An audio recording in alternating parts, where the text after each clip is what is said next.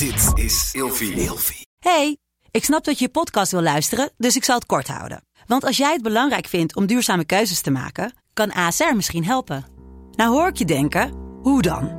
Nou, bijvoorbeeld bij het duurzaam herstellen van schade. Of de premies die we beleggen volgens ons duurzaam beleggingsbeleid. Dat bepaalt waar we wel en juist niet in investeren. Wil je meer weten over welke duurzame keuzes ASR maakt? Ga dan naar asr.nl slash duurzame keuzes. ASR doet het. Zo, dan kan je nu lekker naar je podcast luisteren. Wat wij ook heel erg goed wisten was dat de mensen die wij eigenlijk op zee oppakten, dat waren niet de mensen die achter die piraterij zaten. Dat waren echt mensen, je had van die landlords, Ja. die eigenlijk zeiden van oké, jullie gaan nu voor mij een schip kapen, anders eh, vermoord ik je familie. Dus je had nog ook enige sympathie voor die piraten.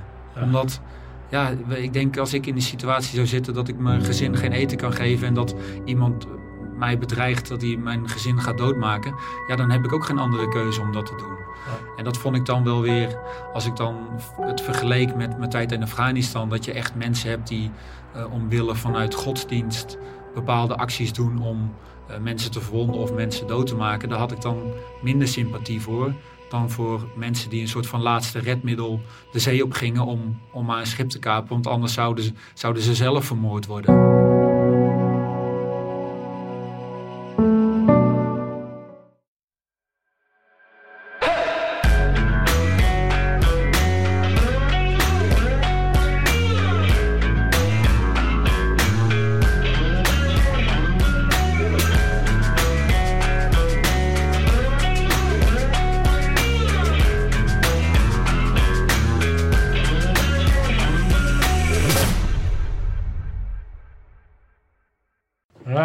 Zo, welkom eh, bij een nieuwe Scherpschutters. Zoals jullie zien eh, zit ik weer helemaal in een eh, nieuwe setup.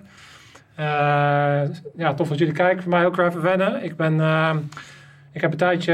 ja, mijn bedrijf is dicht natuurlijk. Sche- eh, Hell Shooter is dicht. En ehm, ik heb een tijdje thuis gedaan, een paar afleveringen. Maar toen kwamen de jongens van RPTC, die ook bij ons in de uitzending zijn geweest, een paar afleveringen terug. Ook, ook bekend van Arminius. Die kwamen in de lucht van, hey, we hebben ruimte over, waarom eh, ra- ja, richt je je studio niet hierin? Eh, dus dat is echt eh, super tof om elkaar zo een beetje te helpen. En nu heb ik hier een hele setup staan. Het voelt eigenlijk wel goed. Ja, het, ziet, het ziet er goed uit. Ja, Het goed geregeld en bedankt voor de uitnodiging. ja het is super tof dat je er bent. Voor de mensen die eh ja, Michel niet kennen, dan heb je onder een steen geleefd, denk ik. eh, ja. je, bent, nou, je bent veel op tv geweest de afgelopen tijd. Je bent zojuist, eigenlijk vorige week, bij het Big Brother huis heb je verlaten. Ja, klopt ja. ja. Dus jij zit helemaal nog in je bubbel. eh. Ik zit nog redelijk in mijn bubbel. Het is echt even wennen om weer in eh, ja, in de normale leven, in de normale wereld eh, te zijn. ja. Maar ehm, ja, ook dat gaat allemaal wel weer wennen. Alleen het is even, het is even een omschakeling. Ja. Maar ja, wij hebben dat eh, vaker ook moeten doen eh, vanuit uitzending en alles. Eh, wij kennen elkaar natuurlijk eh, vanuit de Marshof, waar ik jij in 2009 mijn eh, pelotonscommandant eh, bent geworden. En eh, we een aantal jaar daar eh, samen hebben gediend. Ja, ja want eh, dat weten mensen misschien niet. Hè, dat wij inderdaad gewoon ja, elkaar dus al 15 jaar kennen of zo, Ja. lang geleden. Dat was in 2009 heb ik eh, de Marshof-opleiding gedaan. Toen ben, ik eind 2009 ben ik PC geworden. Ja, Toen werd ik jouw PC. Ja, en ik, eh, ik heb eh, in 2008 heb ik de opleiding gedaan.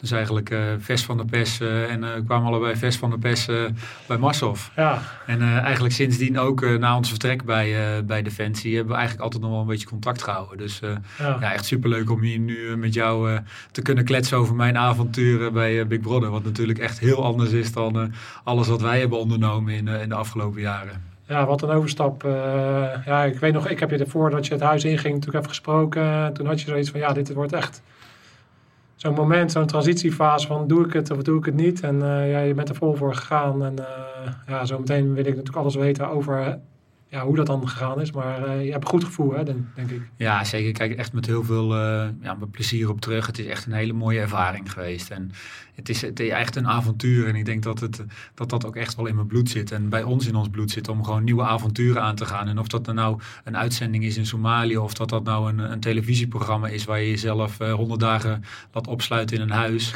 Ja, je probeert gewoon overal het maximale uit te halen en het maximale te, maximaal te genieten. Ja, Ja, en in dit geval is dat echt gelukt.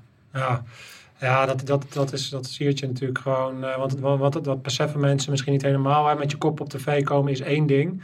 Maar voor jou betekent het ook wel dat je echt je schepen hebt verbrand. Want uh, de branche waar je in werkte voordat je hier zat, uh, ja, de persoonsbeveiliging, dat is natuurlijk toch lastig om te doen als je een bekende kop hebt. Dus die kans dat je die wereld nog In, ja, die laat echt wat achter. Ja, dus dat is eigenlijk wel een bewuste keuze geweest. Ik heb eh, na de mariniers en na Marshof heb ik eh, de, de overstap gemaakt richting de persoonsbeveiliging. En eh, ja, daar heb ik zes jaar echt heel veel, met heel veel plezier en hele leuke opdrachten. Ik heb voor heel veel verschillende leuke families gewerkt. Heel veel leuke dingen gedaan. Alleen, ja, dat hield eigenlijk op. En toen, toen kwam eigenlijk dit op mijn pad. En toen eh, zei ik tegen mezelf, ja, waarom niet? Ik eh, ben wel weer toe aan een nieuw avontuur. En ik, eh, ik ben wel benieuwd hoe het, of dat iets is wat, wat me leuk lijkt. Of dat iets is wat me ligt. En ik ga het gewoon aan. En ik ga het gewoon net als wij altijd doen. Gewoon met de volle 100% gaan we erin. En dat heb ik gedaan. En ik heb er echt vanaf het begin tot het eind ik van genoten. Ja, en nu is het eventjes weer even uitademen. En dan kijken van, eh, ja, wat gaat er op me afkomen? En eh, ja, wat wil ik nu? Want Ja. ik, ik was eigenlijk er wel over uit dat ik dat de persoonsbeveiliging heb ik echt heel erg leuk gehad. Alleen het was voor mij gewoon nadat het stopte bij de laatste familie voor ik werkte, toen dacht ik van ja, dit, ik, ik hoef niet meer, ik wil dit niet meer, ik wil iets anders gaan doen. Ja. En ehm, ja, dit was gewoon eigenlijk een soort van mooie tussenstap. En nu zie ik wel wat er op me, af, op me afkomt. Ja.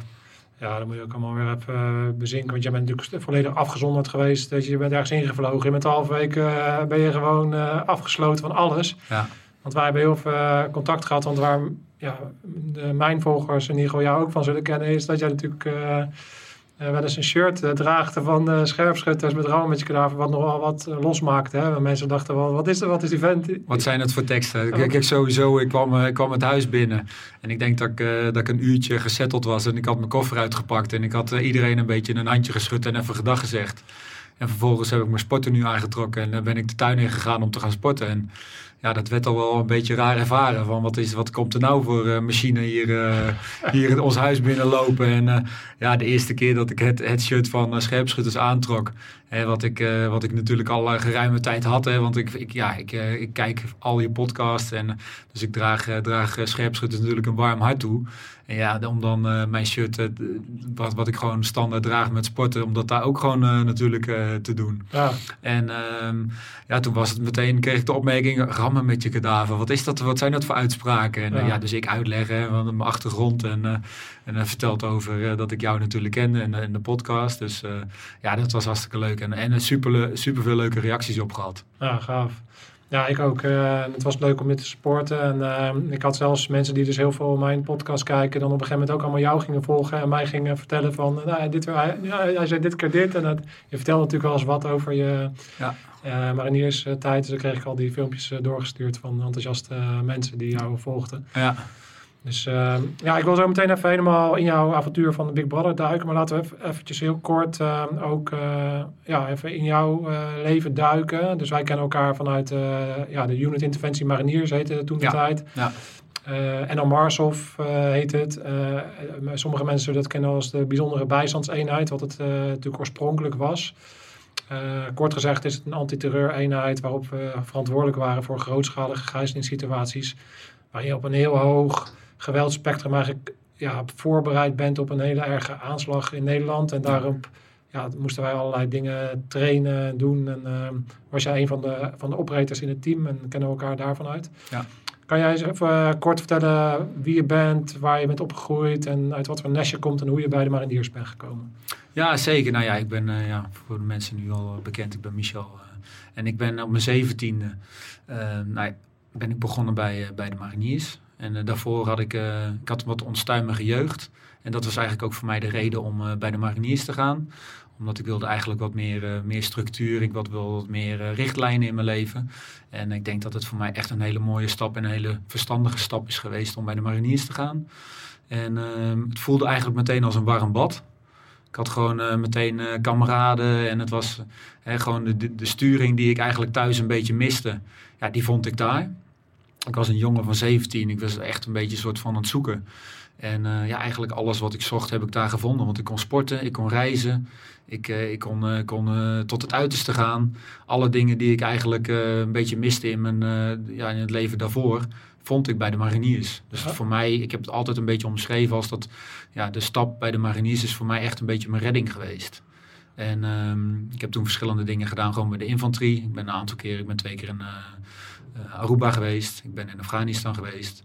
En toen kwam ik, eh, de tweede keer kwam ik terug uit Aruba. En toen dacht ik van, eh, ja, nu is het eigenlijk tijd voor de volgende stap. En ehm, ja, toen heb ik me aangemeld voor de testweek. Om dan, eh, toen nog heb, heette het de UIM, om eh, bij de UIM te gaan. En eh, ja, die testweek eh, goed doorlopen. Uiteindelijk de opleiding ook eh, eh, goed doorstaan. En ehm, ja, eigenlijk een, eh, een super mooie tijd gehad. De, la- de laatste zes jaar van mijn, van, mijn, van mijn tijd heb ik daar gezeten. En ik heb, eh, ben eh, drie keer in, ik ben twee keer in Somalië geweest. Ik ben één keer in Ivoorkust ben ik geweest. En ik heb dus heel veel mooie dingen kunnen doen. Ik ben medic geworden. En dat was een van de redenen waarom ik regelmatig toch op uitzending ging. Omdat er gewoon een tekort was aan medics. En eh, mijn si- thuissituatie was gewoon eigenlijk altijd wel zo dat ik kon, eh, kon gaan. Dus op het moment dat er dan weer gevraagd werd van... Ja, zijn er nog medics in het team eh, die nog Ja. naar Somalië willen? Dan stond ik wel helemaal met mijn hand omhoog. Ja. Ja, dus dat was voor mij wel ja, de mooiste tijd bij, bij de mariniers. Ja, ja snap ik. Ehm, ja, je geeft aan onstuim, onstuimig eh, opgegroeid. Eh, eh, wil je daar iets over delen van in wat voor setting was dat? Ben je zonder ouders? Of- kan je iets delen? Ja, nee, ik, ik, zal, ik ga niet heel veel in Nee, detail, maar ook niet, maar Mijn, gewoon- mijn, mijn ouders die, eh, deden scheiden toen ik eh 12 jaar was. En Ja. dat was gewoon geen, eh, geen prettige scheiding. En ik denk dat eh, veel mensen thuis eh, zich daarmee kunnen identificeren. ja, En ehm, ja, dat zorgde, dat was voor mij 12-jarig is een hele lastige leeftijd. ja, En eh, mijn, mijn vader verdween, verdween toen eigenlijk een beetje uit beeld. En, dus ik had niet meer echt op dat moment een, eh, vaderfiguur in mijn leven die je natuurlijk op dat moment wel echt heel erg nodig had. Eh, mijn moeder had het ook zelf ook heel erg lastig met de scheiding. Dus die was ook eigenlijk eh, ja, niet in staat om, om goed voor ons te zorgen. En dat, dat maakte dat we er gewoon best wel wat ja, op onszelf gewezen waren. En ehm, ja, dat maakt je ook wel weer heel erg zelfstandig. Dus ik heb daar later ook heel veel profijt van gehad. ja wat, wat ik wel bijzonder vind is, eh, ja, zeker als ik jou zo zie, weet je, was het ook als marinier en eh, ook hoe je je nu hebt opgesteld in dat eh, Big Brother huis. En ik denk dat al- als ik al jouw collega's ook ga vragen van de afgelopen periode bij de families waar je hebt gewerkt. Ja, je, je bent gewoon een hele stabiele, keurige gast eigenlijk, weet je wel. In de zin van, ja, gewoon echt heel betrouwbaar en goede normen en waarden. En, Nou, Ja, dankjewel, uh, nou ja, zo- compliment. ja, eh. zo, zo, zo, zo zie ik jou toch wel. Nou, wel. en zo, zo, zo voel ik me het ook wel. En ik vind het gewoon heel erg belangrijk dat, het, eh, dat we gewoon met respect met elkaar omgaan. Dat, dat je gewoon normen en waarden hebt. En, en dat zijn wel echt dingen die ik, die ik echt voornamelijk bij de mariniers heb geleerd. Oh. En gewoon in die tijd. En, en tuurlijk, ik heb echt wel ook eh, een, een, een- Voor de scheiding van mijn ouders heb ik echt wel een goede opvoeding genoten. Het was streng, maar het was gewoon wel. En mijn vader is een hele eh, zachte, zachte man. Eh, heel aardig. Ik heb heel erg goed contact met hem nu weer, gelukkig. Ehm, ik heb heel veel dingen van hem geleerd. Alleen hij is gewoon een bepaalde, bepaald belangrijk moment is die uit mijn leven gegaan. En ehm, ja, dat, op dat moment had ik dat wel heel erg nodig. Die, Ja. Net even dat duwtje in de rug om me te motiveren om een vervolgstudie te doen. Of net even een duwtje in de rug om, om de juiste keuze te maken van wat wil ik nou in mijn leven. Ja. En ehm, ja, bij de mariniers vond ik dat allemaal. En dat, eh, dat maakte wel dat ik nu ben wie ik ben. Ja. Dat ik gewoon. En dat, dat is dan mooi ook om nu de reacties van alle mensen na mijn avontuur binnen te krijgen. En ook gewoon echt te zeggen van dat je dan hoort van zoveel respect en eh, zo net, netjes in je bewoording. En je stond voor iedereen klaar. En ja, dat is ook wel gewoon ja, ten voete uit wie ik ben. Ja. Ja, ja nou, daar kan je trots op zijn dat je dat eh, onder die omstandigheden... Kijk, uiteindelijk de kaarten die je gedeeld krijgt eh, in je jeugd, en daar heb je geen invloed op. Het enige waar je invloed op hebt, is natuurlijk de manier waarop je er vervolgens ermee omgaat. Zeker. En wat je ervan maakt. En Ja. ja. ja, dan sta je nu toch op een punt van je, in je leven waarin als je nu kijkt, wat je dan, eh, ja, jonge leeftijd bij de mariniers gegaan, daar heel veel ervaring op gedaan op verschillende manieren, weet je Ja. wel. Verschillende vlakken ontwikkeld. Ja, en- en dan ook nu weer toch weer dan jezelf verder uitvinden. En weer even kijken van ja, wat is er nog meer te vinden? En, en dan zo'n avontuur inspringen. Dat is gewoon wel... eh, Ja, ja ik, ben wel, ik ben wel iemand die echt eh, die op een gegeven moment dus echt merkt van oké, ik heb, ik heb eh, een hele mooie tijd ergens gehad. Maar ik, ik, ik merk dat het gewoon weer tijd is voor wat nieuws. En ik, ik, ik ben niet bang om ergens het diep in te duiken. En ehm, eigenlijk is na 12,5 jaar weggaan bij de mariniers is ook in het diepe duiken. Ja. En dat is, ik, heb, dat is me heel erg goed afgegaan, want ik heb, ik heb een hele mooie tijd gehad en ik heb voor echt eh, hele mooie en diverse families mogen werken. Alleen op een gegeven moment toen, eh, toen hield dat op en ik had, ik had daar zeker voor, voor mij, in, in wat ik eigenlijk ook voor me, bij de mariniers merkte, van ja, dit was voor mij mijn plafond. En dat had ik bij de, bij de in de persoonsbeveiliging ook bereikt, voor mijn gevoel. Dus toen dacht ik van ja, ik kan nu wel nog eh, verder proberen te reiken. Maar ja, ik heb, voor mijn gevoel heb ik alles eruit gehaald wat ik eruit wilde halen. Het is tijd voor wat nieuws. Ja. Ja, en eigenlijk eh, viel het zo raar samen dat ik, ja, ik, 15 november kreeg ik te horen dat eh, mijn contract niet werd verlengd. En op 21 november eh, stopte de inschrijving van Big Brother volgens mij. En ik heb me, 20 november heb ik me eigenlijk met toeval een soort van ingeschreven.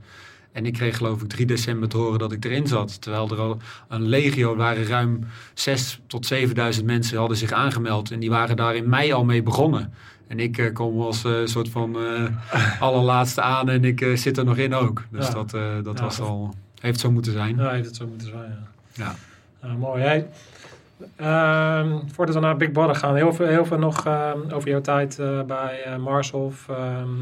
Ja, wat, wat, wat ik bijzonder ook vind, en dat is natuurlijk ook een beetje de, de manier waarop je in het leven staat, is dat je ook bij eh Marshof, eh, inderdaad zo'n uitzending, wat natuurlijk heel bijzonder daaraan was, is ik, ik was pelotonscommandant en er waren verschillende teams onder, maar hadden- ook als je naar Somalië ging, ging je gewoon met je team.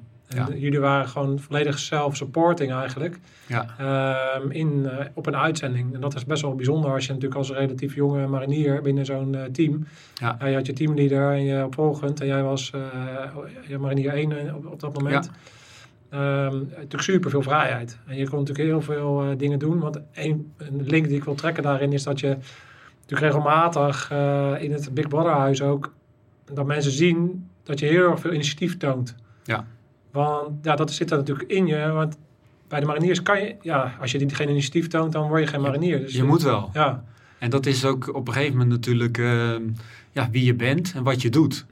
En uiteindelijk ja, dat word je in een huis geplaatst. En al jouw goede en ook jouw slechte kwaliteiten en eigenschappen, die komen eruit. Want je kan niet daar honderd dagen lang een act op voeren. Nee. Je kan niet honderd dagen lang... Dus je bent daar gewoon wie je bent. ja. En inderdaad, op het moment dat er dus ehm, sturing gegeven moest worden, of dat er eh, iemand een, eh, de juiste richting ingeduwd moest worden, ja, dan kwam dat bij mij eruit. En in het begin was dat niet zo, maar dat, ja, dat, dat groeide naarmate de tijd vorderde eigenlijk. ja. En dat zijn wel dingen die ik natuurlijk op uitzendingen, hè, zoals in Somalië, heb geleerd. Want je bent inderdaad, je, je wordt met een groepje van zes, word je gewoon op een schip geplaatst.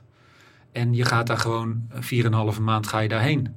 En eigenlijk draait het, het, het schip draait om, om ons heen. Want uiteindelijk waren wij het eindproduct van hè, dus de, de antipiraterij wat we daar deden. En leg dat eens uit voor degene die niet eh, thuis in die wereld. Want dat is het inderdaad best wel eh, uniek eigenlijk. Hè? Dus je hebt een heel veel gat. Ja.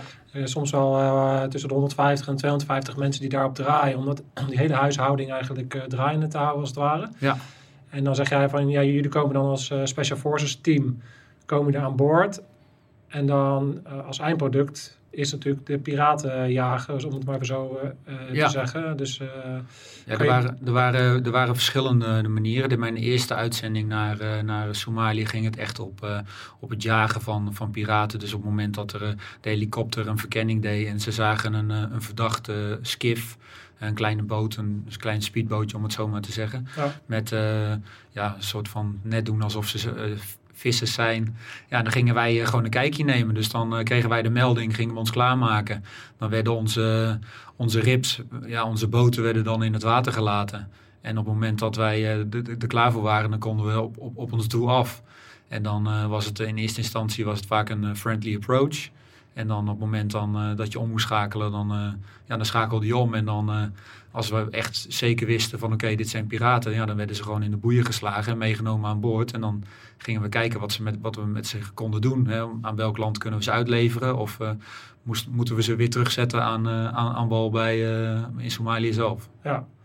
ja, want dat is die missie, die antipiraterijmissies daar is een van de, denk ik wel een hele succesvolle missie geweest. Het is echt heel aanwijsbaar geweest dat het werk wat daar de marine daar heeft gedaan, eh, internationaal gezien, hè, want er waren, waren meerdere, mensen, eh, meerdere landen natuurlijk daar rond, dat het echt een effect had op uh, de tegendringen van piraterij. Want eigenlijk, om het even heel kort te schetsen, is dat je hebt het Suezkanaal en dan komen ze daaruit en daar varen natuurlijk allemaal schepen. En de, arm, het, de arme mensen natuurlijk in Somalië, de visserij die eh, liep terug. Ze hadden eigenlijk geen mogelijkheden meer om een eh, bestaan uh, te voorzien. En toen is langzaam dat piraterij ontstaan. En piraterij betekent eigenlijk dat ze dus aan boord klommen. Ze hadden een klein bootje, een skiff en een, uh, wat, een douw. Dat was een, net even een tussenmaatje. Ja.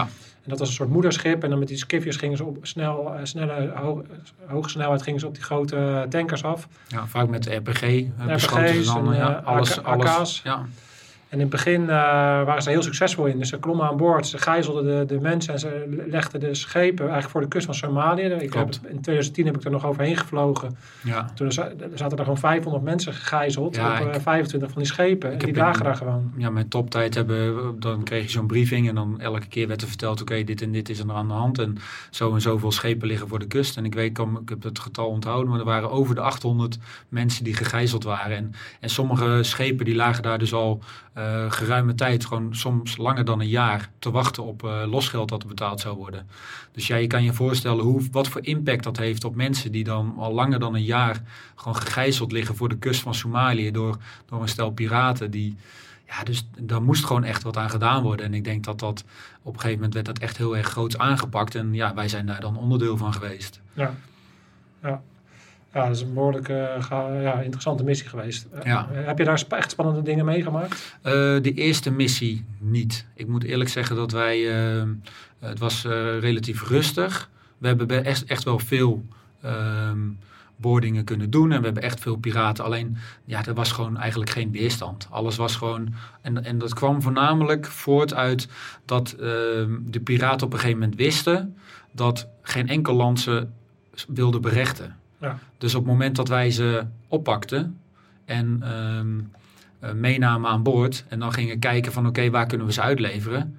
Dat, geen enkel land wilde ze berechten. Of ze moesten echt, hè, zoals met uh, de um, Taipan, konden ze echt gelinkt worden aan Duitsland. En die, die, die piraten zijn toen in, in Duitsland zijn die toen berecht. Ja. Alleen dat uh, wij, wij vingen nooit van die mensen. En die werden dan gewoon weer op de kust van Somalië werden ze losgelaten. En dan kon het maar goed zijn dat je ze twee weken later weer oppakte. Ja. ja dus het was een beetje dweilen met de kraan open, noemden wij dat. En het verdienmodel was natuurlijk uh, interessant, want ze werden gewoon betaald door de rederijen. Dus er zijn er miljoenen aan uh, losgeld betaald in die tijd. Ja. Dus uh, het was al heel lucratief. En later werd, werd, werd, de weerstand en de beveiliging werd beter. En hun verdienmodel kwam onder druk te staan. En ze werden vaker berecht. En toen nam het geweld ook toe naar jullie toe, hè? Klopt. Ja, dus dat is, eh, dat, daar, daar zag je wel een, eh, een verandering in. En uh, wat, wat wij ook heel erg goed wisten was dat de mensen die wij eigenlijk op zee oppakten, dat waren niet de mensen die achter die piraterij zaten. Dat waren echt mensen, je had van die landlords, ja. die eigenlijk zeiden van oké, jullie gaan nu voor mij een schip kapen, anders uh, vermoord ik je familie. Dus je had nog ook enige sympathie voor die piraten. Omdat ja, ik denk als ik in die situatie zou zitten dat ik mijn gezin geen eten kan geven en dat iemand mij bedreigt dat hij mijn gezin gaat doodmaken, ja, dan heb ik ook geen andere keuze om dat te doen.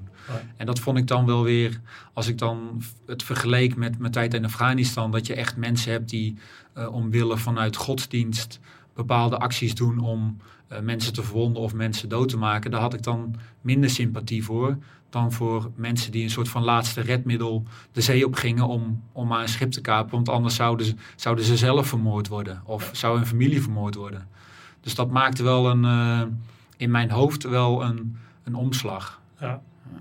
Maar uh, heb je later in, in, het, in de laatste missies daar dan wel ook meegemaakt dat het geweld uh, meer toenam? Um, nou, mijn, mijn laatste missie in, naar Somalië was een, eh, een andere setting. Toen eh, gingen wij, ehm, hebben we de opdracht gekregen om op, ehm, op, op, eh, op een hele rustige manier ehm, in kaart te brengen wat nou de bewegingen zouden zijn van alle skiffs en alle douws. Weer COVID. Ja, Ja. dus we, we, gingen, we, gingen, we hadden toen twee kikkerteams. We werden er toen aan vastgeplakt. Voor de mensen die niet snappen, ki- kickforce mannen zijn dat en dat zijn de duikers. Hè? Ja, dus wij, wij kregen twee duikteams gingen we, kregen Ja. we mee.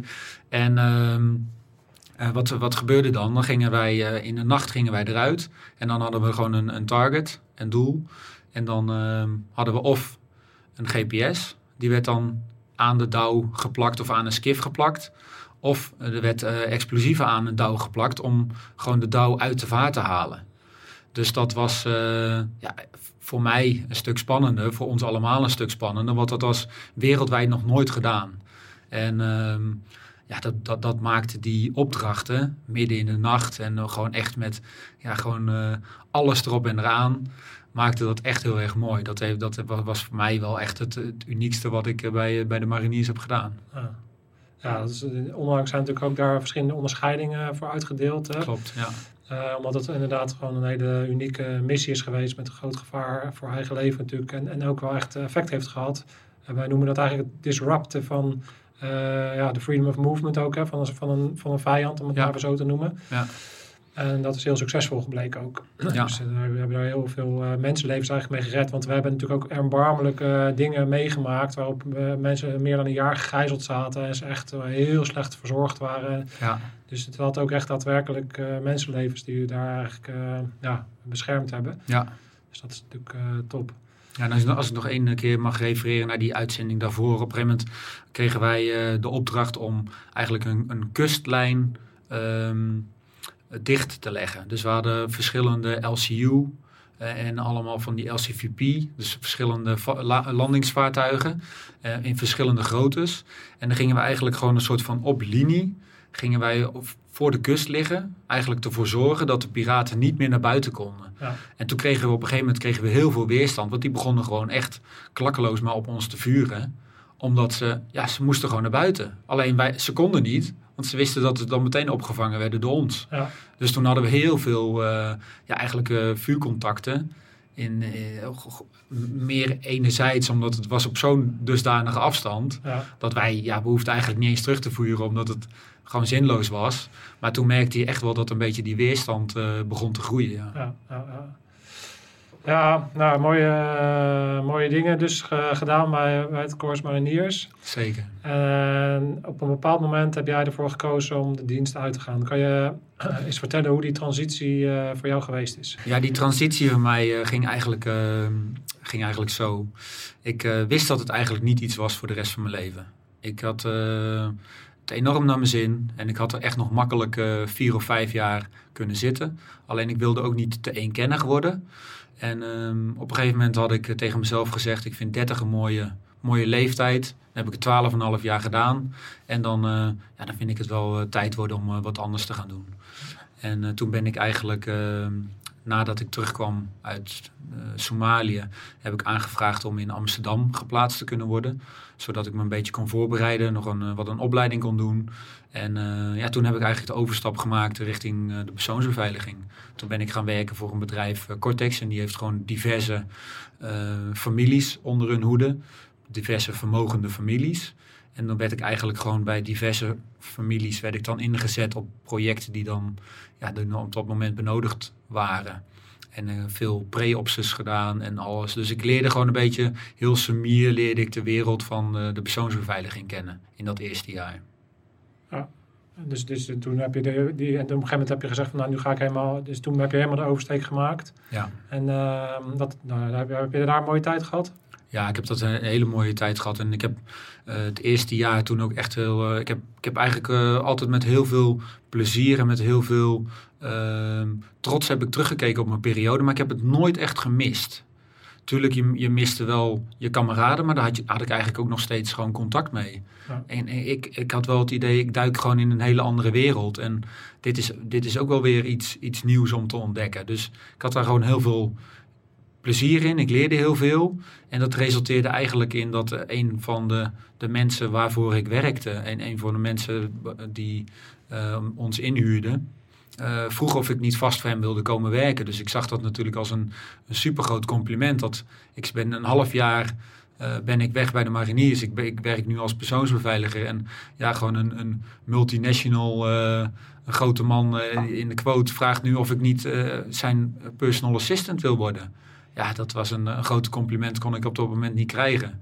Ja, dat heb ik ook gedaan en dat heb ik met heel veel plezier heb ik dat een aantal jaren kunnen doen voor hem. En uh, ja, toen, toen bood zich weer een nieuwe kans aan.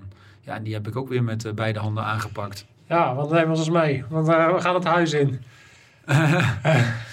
ja, we gaan het huis in. Um, ja, dat is, dat is heel apart. Want ik, ik was een van de kandidaten die iets later het huis in werd gezet.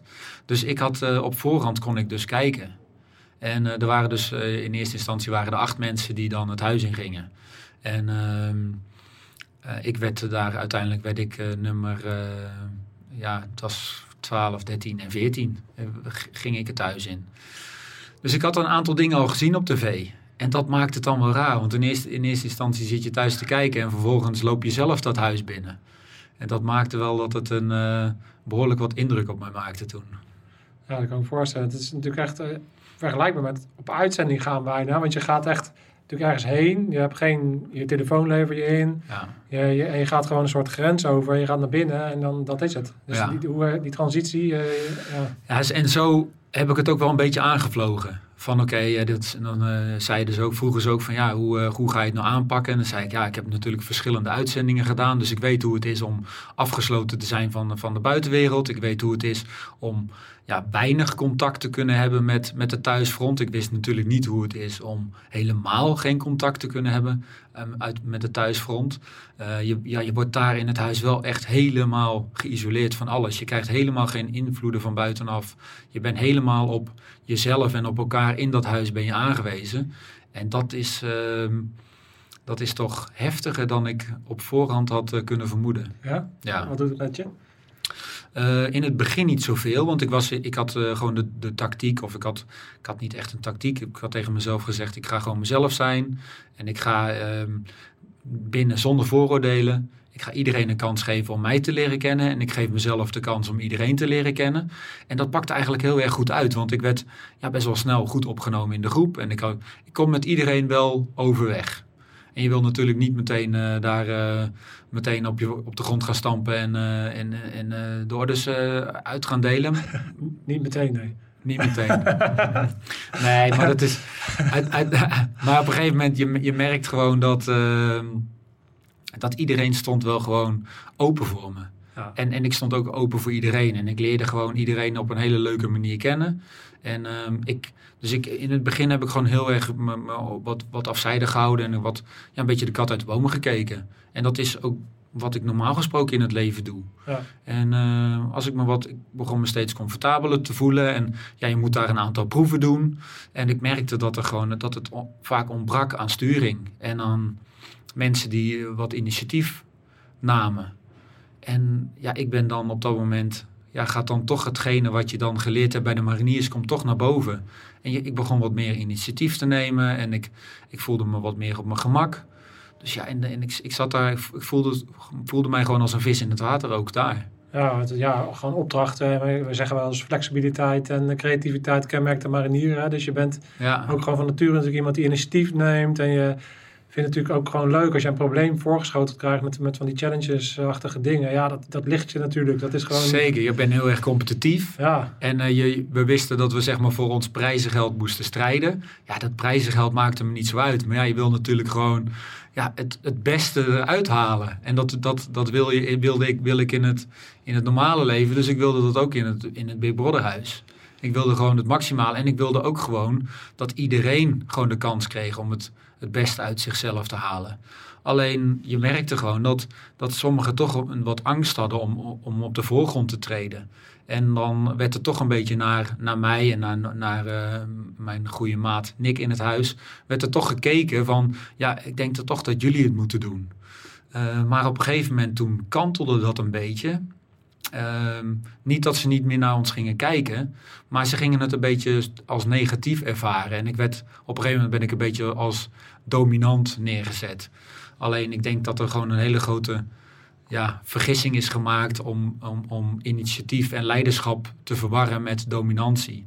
Want ik ben niet dominant. Ik vind dominant vind ik iemand die op, met zijn vuist op de tafel slaat en zegt: we gaan het nu zo doen, op mijn manier. En uh, wat er ook gebeurt, ik duld geen tegenspraak. Nee, maar dat heb ik nooit gedaan. Zo ben jij ook, hè? Want ook als marinier was je altijd gewoon iemand die gewoon op het juiste moment aanwezig was, maar niet. Je hebt, je hebt ook van die, van die mariniers die overal een zegje over moeten doen of altijd op de voorgrond treden. Ja. Maar zo iemand heb ik jou, zo ken ik jou ook niet. Nee, ik ben, ik ben iemand die, uh, die van zichzelf gewoon relatief ja. rustig is. Ja. Uh, maar ik, ben, ik schuw het niet om van me te laten horen. En ik, ik heb uh, zeker een mening. En uh, alleen ik was eigenlijk een van de weinigen die echt een goede mening had daar. En natuurlijk waren er echt, ook echt nog wel anderen die zich uitspraken.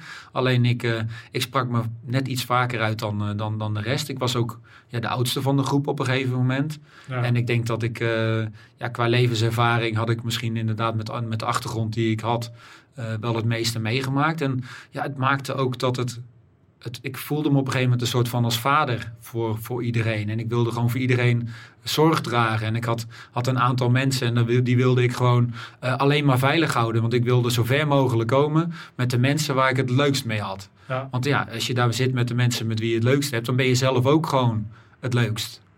En, uh, en toen besefte ik ook dat eigenlijk wat ik al de, de afgelopen 18 jaar had gedaan, me, soms mijn eigen leven proberen te, of mijn eigen leven wagen om anderen veilig te houden, ging ik daar ook doen. En op een hele andere manier natuurlijk, want ik deed mijn leven daar niet geven. Alleen ik ging wel mijn eigen kop, dus, hè, dus ik had een hele grote kans om het spel te moeten verlaten, omdat ik me dus op de positie plaatste waar ik me op plaatste. Alleen dat deed ik dus wel om mensen om me heen veilig te houden. Uh, dat is ook conform de afspraak die je met jezelf hebt gemaakt, is dat je gewoon daarin ging als jezelf. Ja. Je kan dan ook niet, je kan, dat, dat is dan een soort spelletje wat je dan tactisch had moeten gaan spelen om bijvoorbeeld uiteindelijk als doel te nemen om het spel te winnen. Nee. nee. Maar, maar dat was natuurlijk niet jouw insteek. Nee. En dat is, uh, ik ben ook heel blij dat ik dat heb gedaan. Want ik ben vanaf dag één ben ik mezelf geweest. Alleen dus, wat ik, wat ik dus net schets, hè, dus dat je dus erachter komt. Dat je dus inderdaad uh, de belangen van anderen weer voor je eigen belangen soms zet dat, dat wordt daar uh, heel erg uitvergroot. Dat, daar kwam ik toen echt een soort van achter. En dat toen, ik vond het eigenlijk wel een heel mooi besef. En toen heb ik ook op een gegeven moment, zit je dan in de dagboekkamer en dan ben je erover aan het praten. En toen zei ik ook van, ik zeg eigenlijk vind ik het wel heel erg mooi dat ik nu al zo lang hè, ja, jezelf, je eigen leven in het teken zet om anderen veilig te houden, om anderen... En dat is natuurlijk bij de mariniers was dat zo, in de persoonsbeveiliging was dat zo. En, en dat voelde gewoon ook heel erg fijn om dat in het Big Brother huis ook gewoon zo te doen. Het voelde gewoon ook als mezelf zijn. Ik kon gewoon echt het, de, degene zijn wie ik wilde zijn. En dat is gewoon ik. Ja, ja, ja. nou dat je daar toch in bent geslaagd. Um, ja, waar ik heel veel benieuwd naar ben is, uh, hoe ben je dan omgegaan met die, uh, ja, dat moment dat je dus dat andere mensen jou gaan zien als dominant en het als iets negatiefs gaan zien. Is dat gekomen tot een bepaalde confrontaties? Uh... Um, kijk, iedereen speelt daar, of sommigen spelen daar een spel. En, en ik had op een gegeven moment ook een beetje door dat, um, dat er een be bepaalde beeldvorming gecreëerd wilde worden voor de mensen thuis. Dus om mij dan continu het woord, bij mij het continu het woord dominant te gebruiken, Je hebt, je hebt hele trouwe kijkers en je die zijn fan van je of die zijn geen fan van je. En op het moment dat ze geen fan van je zijn en ze horen van degene van wie ze wel fan zijn, dat is een dominante man, dan nemen ze dat gewoon per direct nemen ze dat aan. Of, of, of ze het nou vinden of niet. En um, ja, dat, dat vond ik wel vervelend, want ik wilde, ik wilde heel graag wilde ik klaarstaan voor de groep op het moment dat ze me nodig hadden om een proef goed te doen. Maar ik wilde niet dat ik daarna een negatieve stempel op me gedrukt kreeg. Van kijk, kijk hem, hem eens even dominant zijn in het huis.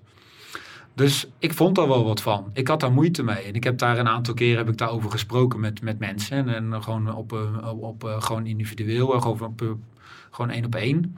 Eh, maar op een gegeven moment heb ik ook echt de groep gewoon toegesproken. Heb ik gevraagd of iedereen bij elkaar kon komen. En ehm, ja, dat is dan ook weer het initiatief wat ik daarin neem. Om dat te proberen te ontkrachten.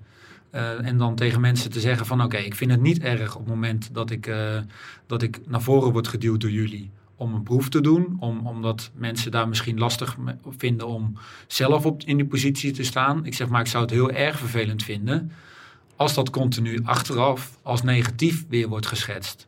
Ik zeg, als ik merk dat dat blijft gebeuren, ik zeg, dan zal ik gewoon een stapje terug doen. En dan ben ik gewoon net als de rest. En dan gaan we elkaar gewoon aankijken van, oké, nou wie gaat het dan doen?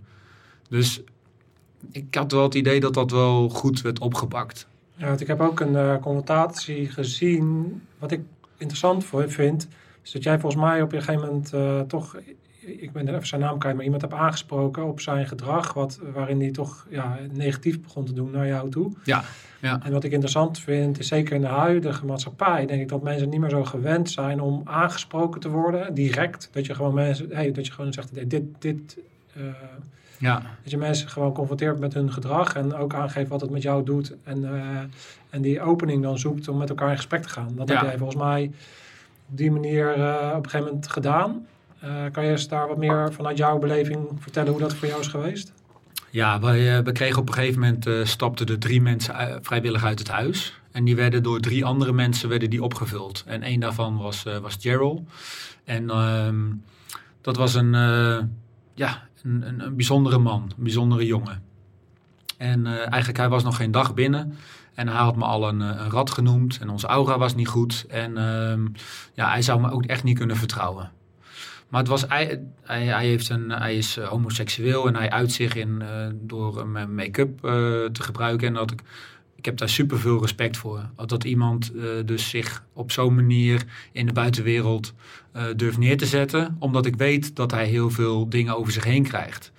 Maar daarin, daarmee dacht ik ook bij mezelf van... Hij moet dus iemand zijn die dus eigenlijk heel veel met vooroordelen te maken heeft. Dus ik begreep niet waarom hij met zoveel vooroordelen richting mij binnenkwam in het huis. Um, dus ik heb hem eigenlijk best wel snel apart genomen. En toen heb ik met hem gesproken. Heb ik gezegd van, nou, ik heb uh, dit en dit ervaren. Je hebt dit en dit en dit tegen mij gezegd. Ja, waarom doe je dat? Nou, toen, toen ging hij mij uitleggen dat hij, een, dat hij het lastig vond om met uh, ja, heteroseksuele mannen... die uh, ja, naar hem, naar zijn mening... ja, sterk overkomen qua. Uh, ja, en ik, ik kan, kan, me voorstellen dat, dat ik, ik loop met opgeheven hoofd loop ik door het huis heen, dat dat voor hem overkomt als een, een, een, sterke heteroseksuele man. Ja, toen heb ik hem verteld dat dat natuurlijk helemaal nergens voor nodig is. Om, om dat te denken en om die, dat vooroordeel over mij te hebben. En dat iedereen mag zichzelf zijn in dat huis. En ik heb daar echt, uh, uh, echt voor gestreden ook. Maar ik wilde wel gewoon een, een omgeving creëren waarin we dus uh, echt konden zeggen als we ook als we ergens mee zaten. Want je zit daar gewoon 24-7 ja. op elkaars lip. Je kan elkaar niet ontwijken. Je kan niet eventjes de deur uitlopen om even een rondje te gaan wandelen omdat je even moet afblazen. Je moet gewoon dealen met de, de problematiek die daar ja, en dat is allemaal hele kleine dingen. Alleen dat wordt natuurlijk allemaal zo groot opgeblazen. Omdat dat, ja. je, je beleeft het allemaal zo intens. Dus ik heb het wel echt geprobeerd. En ik denk dat het redelijk goed gelukt is. Om toch een situatie voor iedereen te creëren. Dat ze gewoon echt mochten zeggen en echt mochten uiten als ze, als ze ergens mee zaten. Want je krijgt natuurlijk zoveel achter elkaar zijn rug om, praten erover. Nou, en als ik dat dan merkte, dan pakte ik gewoon weer de hele groep bij elkaar. En dan zei ik, oké, nou dit en dit en dit is er gezegd. Ik zeg, we zitten hier nu allemaal. Ik zeg, laten we het nu alsjeblieft uitspreken. Dan kunnen we daarna gewoon een dikke streep onder zetten. En ja, ik heb daar wel heel veel lovende kritiek over gehad. En dat is natuurlijk, uh, wat je net al zelf aangaf, dat is niet meer echt een manier hoe er heel veel gecommuniceerd wordt. Want het is toch een beetje met de fluwelen handschoen elkaar allemaal benaderen. Maar dit is wel hoe ik gewend was om al 18 jaar lang, zowel bij de mariniers als bij de persoonsbeveiliging, met mensen te communiceren. En ik vind het een hele goede manier. Alleen ik merkte dat het, ja, dat het soms uh, wat weerstand opleverde. Dus ik heb toen dat wel proberen. Iets wat te nuanceren en iets wat aan te passen. Dat ik ja, ietsjes wat milder was in mijn communicatie. Ja. Ja. Ja, ja, nou ja dat, ik denk dat dat een, eh, dan op een gegeven moment, nou, als je merkt, iets, dus zo ben je natuurlijk ook, dan ga je natuurlijk een beetje tweaken in je, in je aanpak, omdat je gewoon merkt van iets werkt wel goed of werkt niet goed. En, dan- en dan pas je ook alweer aan, zo, zo zit je natuurlijk ook in elkaar. Wa- wat ik ook even benieuwd ben, want dat, ik weet niet of jij dat dan meekrijgt, maar ja, het werd natuurlijk ook al snel opgepikt. eh, dat de dames eh, jou ook wel interessant vonden. Kijk, heb jij daar zelf iets van meegekregen hoe daar op jou gereageerd werd? Eh, Eh, nou, ik heb natuurlijk in het huis wel dingen meegekregen. Ook van, ja, op een gegeven moment was ik in de tuin aan het sporten en ik zag echt drie dames op een rij. Zag ik echt mij gewoon eh, elke beweging een soort van volgen. Maar, En- eh, ook de gesprekken, want dat krijg je natuurlijk niet mee. Wij, je hebt natuurlijk nu waarschijnlijk wel terug zitten kijken waar dan, hoe, hoe zij dan ook over jou zitten te praten. Er waren Ja. net eh, drie ma- mariniers die het over een chickie hadden buiten. Ja, ja, maar dan andersom, weet je wel. Dan denk ik, oh, die, en die vrouwen zijn nog erger dan drie gasten. die, Ja, het is, uiteindelijk is het hartstikke leuk om terug te zien natuurlijk. En ik, ik moet er echt enorm om lachen. Maar op, op een gegeven moment werd het ook... Dat was eigenlijk in de eerste twee weken zo. Want daarna ben ik ook maar gewoon weer Michel. En, en ben ik ook gewoon de jongen die eh, gewoon zijn eh, gevoelige kant dit eh, laat zien. En die, die, die er voor de meiden is. En wa- waar ze ook gewoon naartoe konden komen voor een knuffel. En dus toen, dan zien ze je niet meer op uiterlijk basis. Maar ze zien je gewoon op innerlijk basis. En dat vind ik natuurlijk een, veel, veel fijnere manier om met mensen om te gaan. Maar, is, maar dan kan ik me ook voorstellen dat, dat, dat, het, dat het jou alleen maar interessanter maakt. En dat er mensen ook eh, gevoelens voor jou krijgen. Eh, is daar iets eh, ontstaan in het huis? Nee, ik heb echt heel veel goede vriendschappen heb ik, eraan overgehouden. En ik, heb, ik had één heel close maatje en dat is, dat is Julie. En eh, ja, wij waren heel erg close. En ja, ook daar, daar wordt dan weer wat van gevonden. Want het kan natuurlijk niet dat een man en een vrouw eh, op zo'n manier eh, een vriendschap hebben. Want inderdaad, ja, we, we gaven elkaar vaak een knuffel. En ze kwam wel eens even bij me liggen voordat we gingen slapen. Maar dat, dat is heel lastig uit te leggen aan mensen die niet in, aan zo'n intens experiment meedoen. Want alles gaat in de snelkookpan. Dus ook, ook onze vriendschap is in, in de snelkookpan is dat zo geëxplodeerd eigenlijk. Dat, dat, het voelde gewoon zo vertrouwd. En, en, en wel, je hebt echt wel hele lastige momenten. En je hebt hele emotionele momenten in zo'n huis. En ik heb me echt van mijn goede kanten laten zien. Maar er is ook een, een, eh, voor mij een, een, een hele mindere kant heb ik moeten laten zien. Ja, dan heb je toch echt iemand nodig. En ik had eh, op voorhand wilde ik... Dat is één ding wat ik me had voorgenomen. Ik ga een, een maatje zoeken. Iemand, je wil echt iemand 100% kunnen vertrouwen. Want je zit toch in een spel... En je weet wat je net al zegt, mensen praten achter je rug. Eh, Je weet niet wat, zo goed wat ze zeggen, maar ik kon één iemand 100% vertrouwen en dat was, dat was zij. En dus zij was super belangrijk voor mij. Zonder haar had ik een heel ander eh, avontuur gehad in het Big Brother huis dan, eh, dan met haar. Ja, ja. Ja, dus, en dat, eh, heb, je, heb je haar nu alweer gezien na het huis? Of, eh? Eh, nou, we hebben elkaar natuurlijk naar de, in, de, in de finale hebben we elkaar nog gezien. Want het was de, de live show waar, waar Ja. alle ex-bewoners waren. er. En ik eh, ga morgen naar de toe. Dus ik, eh, ik zal hem morgen eh, zal ik te zien. Dus we hebben eh, nog steeds dagelijks contact. Ik kan me Ehm, voorstellen, dat is natuurlijk net met een uitzending eh, en ook de mariniers. Je kan met niemand zo ja, praten over die tijd dan Nee. iemand die dat daadwerkelijk heeft meegemaakt. En jij kan aan mij vertellen hoe het is in het huis, maar Ja. ik zal het nooit voor 100% snappen. Nee. Dat- dus, dus. Dat heb ik ook wel, denk ik, een paar keer in de dagboekkamer eh, benoemd. Van ik zeg, de, ja, de mensen hier zullen het nog niet beseffen. Ik zeg, maar ik weet dat omdat ik al verschillende uitzendingen heb gedraaid. En met de mensen met wie ik die uitzending heb gedraaid. Ja, daar zul je voor de rest van je leven zul je daar een band mee hebben. Omdat je hebt iets unieks samen gedaan. En eh, dat zul ik, zal ik met deze mensen hier in het huis hebben. Omdat we hebben samen iets unieks beleefd. En ehm, ja, ik merk dat nu al omdat ik, ik, had, ik heb best wel wat aanpassingsproblemen. Omdat het gewoon echt heel erg raar is van oké, je, je leeft zo lang met elkaar en in één keer bam, het stopt. En je zit gewoon weer alleen thuis. Ik word wel alleen wakker. Ik was gewoon gewend om al drie maanden lang gewoon met mensen wakker te worden. En gewoon in, in één kamer. En dan eh, allemaal, worden allemaal dingen voor je geregeld. En nu is het gewoon weer bam, het normale leven start weer. Ja. Dus, en, dus in, de, in de communicatie vind ik het nu heel erg belangrijk dat ik met haar of met mijn andere maatjes daar. Ja, we beleven op dit moment gewoon allemaal hetzelfde. We hebben echt gewoon van die cold turkey. Ja. Van oké, het normale leven is er weer. Deal with it. En dan is het heel fijn als je toch met mensen erover kan praten die, het, die hetzelfde ervaren als dat ik ervaar op dit moment. Ja, ja, dus elkaar lekker even een beetje opzoeken, dingen gewoon even bespreken en Ja. een plekje geven. Dat zal eh, belangrijk zijn de komende tijd. Hè. En, ehm, ja, ik ben ook even benieuwd naar, ja, je hebt dit avontuur ben je vol aangegaan. En ik denk dat je dat eh, vol eh, ja, charme en eh, inzet hebt gedaan en dat dat ook goed wordt ontvangen. Dat is denk ik wel, wel duidelijk. Dus dat geeft je nu ja, mo- allerlei mogelijkheden die je natuurlijk voordat je het huis in ging niet had. Ja, Ehm, als je een beetje na- naar voren blikt, het is misschien wel lastig omdat je net geland bent, maar heb je een beetje een idee wat je graag zou willen? Nou, een van de redenen dat ik het huis inging was gewoon omdat ik een hele andere wereld wilde ontdekken. Dus natuurlijk wist ik op het moment dat ik eh, lang genoeg in het huis zou zitten, dat er wellicht wat deuren zouden opengaan. Ja, en dat is, ehm, ja, het moment is nu dat dat gebeurt. En ik merk dat er heel veel van heel veel kanten eh, krijg ik aanvragen en heel, van heel veel kanten komen de mogelijkheden. En voor mij is het nu gewoon eventjes, eh, wat je zegt, eventjes eh, even diep ademhalen, even weer, weer mijn pad vinden. Ehm, maar ja, ik zou heel graag in, in, in dit werk ja, willen, willen doorgaan. En ik heb gewoon wel diverse dingen die ik heel erg leuk vind. Eh, we hebben eenzelfde passie en dat is eh, toch het, het creëren van content. Ja, En ik heb dat voornamelijk gedaan eh, ja, van de vakanties die ik heb gehad of eh, activiteiten. Ik ben wat van de extremere sporten. Dus dan ben ik, eh, als ik eh, downhill mountainbike aan het doen ben, dan probeer ik daar tegelijkertijd ook nog eens even een heel mooi filmpje van te maken. Ehm, en dat, ja, dat is iets wel waar, waar, mijn- waar mijn hart ligt. Ehm, en ik vind het, eh, vind het ook heel erg leuk om eh, met sport bezig te zijn. En dat heb ik in het huis ook heel erg gedaan. Ik ben natuurlijk, ben echt elke dag ben ik wezen sporten. Ik geloof dat ik vijf dagen in totaal niet heb gesport. Dus dat, je krijgt nu ook heel veel aanvragen om, om daar iets mee te doen. Een online platform te creëren Ja. eh, met sport.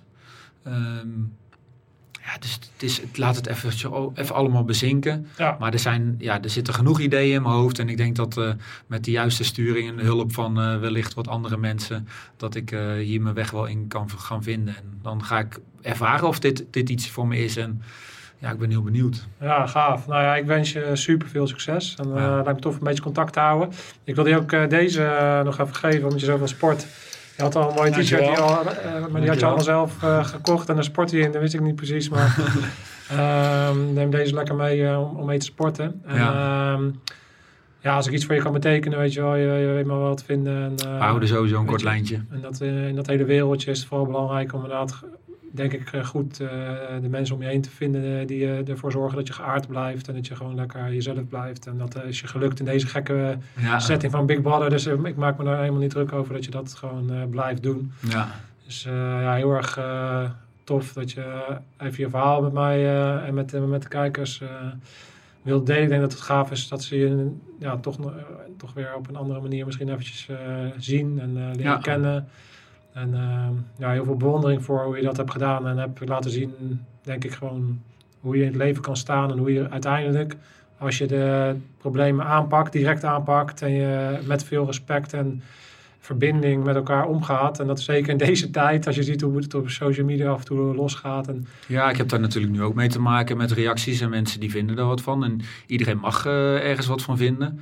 Maar ik denk, eh, denk dat het gewoon vooral heel erg mooi is eh, om, eh, om gewoon heel erg respectvol naar, naar elke ander te zijn. En ik, eh, ja, dat was, was wel echt hetgene wat ik in het huis heb gedaan en wat ik buiten het huis ook doe.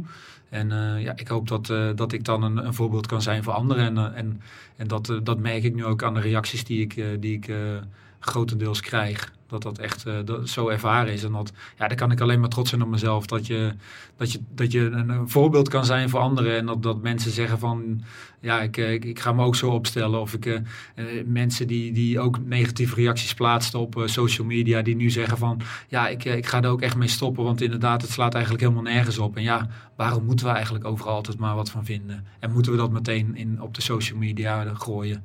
Denk ja, er zit ook. Wij zijn ook uiteindelijk mensen die, die daar in het in huis hebben gezeten. We zijn onszelf geweest. En no- nogmaals, we zijn dan een beetje een soort van publiekelijk domein misschien. Omdat mensen die mogen daar wat van vinden. Iedereen mag hem. Alleen ja, denk ook aan. eh, ik kan het heel goed handelen. Alleen er zijn ook wat anderen die, dat, eh, die daar wat meer moeite mee hebben. Nou ja, ik, eh, nogmaals, ik, vind, ik denk dat het medialandschap heel veel aan jou kan hebben. eh, in de manier hoe je erin staat. En ik hoop dat je daar een heel groot platform in krijgt. En deze eh, positieve energie eh, heel veel de wereld in kan sturen. En, eh, dus ik wens je super veel succes. Gaan we doen. Dankjewel. Dankjewel. Hè. Top, hè, jongens. Mooie uitzending. Eh, Michel, als je hem nog niet volgt, ga hem vooral volgen. Want volgens mij is hij net pas begonnen met zijn avontuur. Dus top man. Alles gezegd? Yes. Alright. Dit was hem. Weer een nieuwe setting. Alles werkte volgens mij. Dus eh, Helemaal goed toch? helemaal top. We gaan hier lekker door. Dus eh, bedankt voor het kijken weer. Scherpschutters. Uit.